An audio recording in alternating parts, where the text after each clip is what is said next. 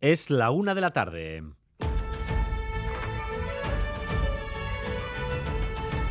Crónica de Euskadi con Dani Álvarez. A Rachaldeón, lejos de serenarse los ánimos, la nueva ley de vivienda acordada en Madrid entre el PSOE, Unidas Podemos y Euskal Herria Bildu va camino de abrir una brecha con el PNV y con el Partido Popular.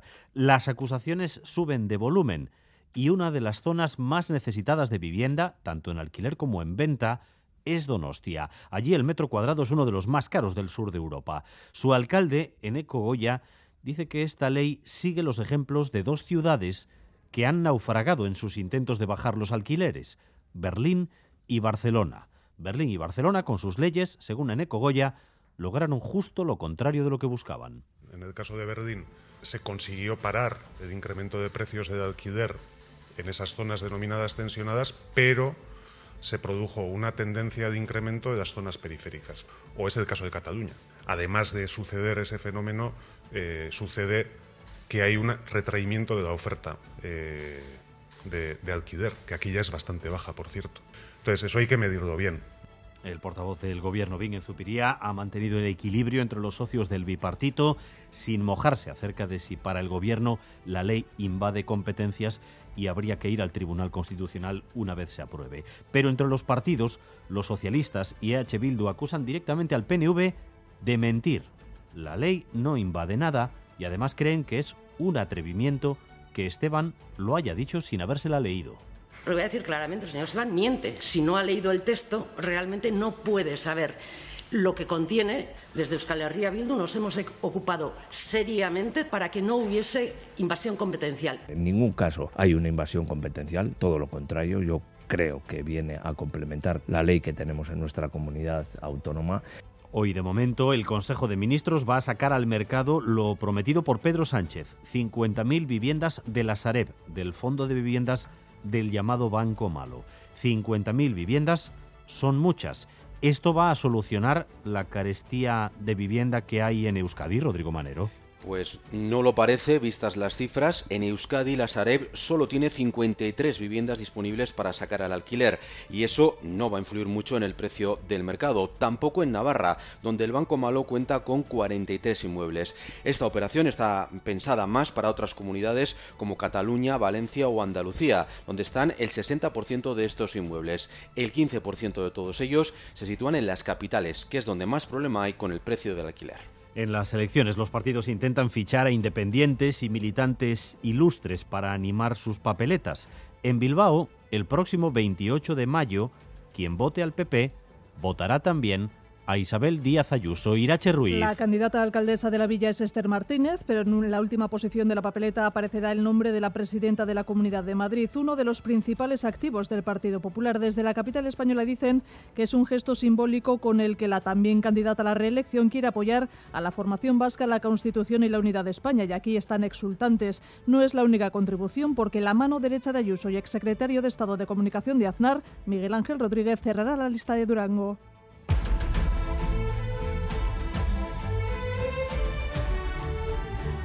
Las dos mejores notas para el MIR son las que obtuvieron una chica y un chico de Vizcaya, Patricia y Miquel. Ambos han optado por quedarse aquí para hacer la residencia. La van a hacer en Cruces, dermatología y radiodiagnóstico y ahora pues vamos a empezar a ser como médicos de verdad. Pues sí me da un poco de miedo, pero sé que me van a preparar bien y que voy a, formarme bien antes de, tocar o de, hacer algo a, un paciente. Me apetece desde luego después de toda la carrera y la preparación del MIR cambiar un poco de, tercio y empezar a estar más eh, al pie del cañón, digamos. Yo creo que mi labor principal es aprender y aprender y aprender. Condenado a prisión permanente revisable el asesino de Alex, el niño de nueve años del Ardero, La Rioja. El juez afirma en la sentencia que matar es algo terrible, pero que violar y asesinar a un niño indefenso es algo infinitamente más cruel y malvado. Natalia Serrano. Son 200 páginas de sentencia, sí, en las que el juez además destaca lo declarado por los forenses durante el juicio, que la violencia empleada contra el niño por eh, Francisco Javier Almeida fue extrema y brutal, superior a la que se hacen los ahorcamientos. La condena que impone, por lo tanto, al asesino y agresor sexual es la máxima prisión permanente revisable. Además, por la agresión sexual de Alex, de nueve años, añade 15 años más de prisión. El juez también ha tenido en cuenta la agravante de reincidencia, ya que el condenado había sido eh, condenado por los mismos delitos anteriormente. Después de la emoción y las celebraciones tras la gala de anoche de los premios Max, hoy es el día para asimilar lo ocurrido.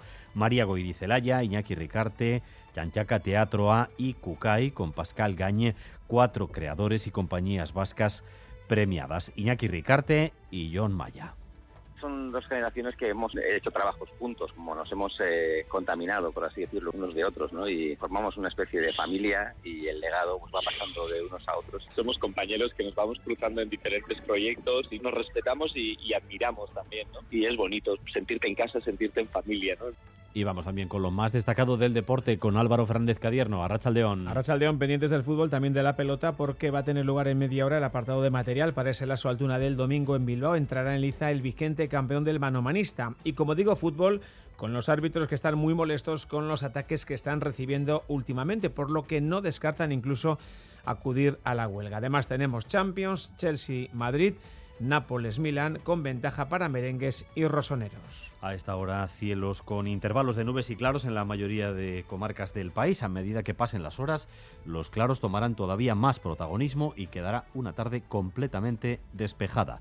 Los termómetros con temperaturas primaverales y en ascenso, 17 grados de temperatura en Bilbao, 15 en Bayona, 14 en Donostia y en Iruña, 13 grados de temperatura en Vitoria-Gasteiz. Y esta pasada madrugada un camionero ha perdido la vida en un accidente en Ribera Baja después de que su camión se saliera de la carretera. Ander López Lerena. Sí, ha ocurrido pasadas las 2 y cuarto de la madrugada en la AP1 a su paso por Ribera Baja después de que por causas que aún se investigan el camión que conducía se saliera de la vía y se precipitara por un barranco. El conductor del vehículo ha quedado atrapado en el interior de la cabina y tras ser rescatado por los bomberos los servicios de emergencia no han podido reanimarle. Se trata de la tercera víctima mortal en carreteras en menos de 24 horas en Euskadi. Ayer otro camionero fallecía en Zambrana y poco después un ciclista era arrollado por una furgoneta, la Nacional 240 en Legutio. En cuanto al estado de la red viaria en estos momentos, precaución aún en la 8 en Trapagarán sentido Bilbao, donde aún continúan los problemas para circular después de una colisión múltiple entre siete vehículos. Seis personas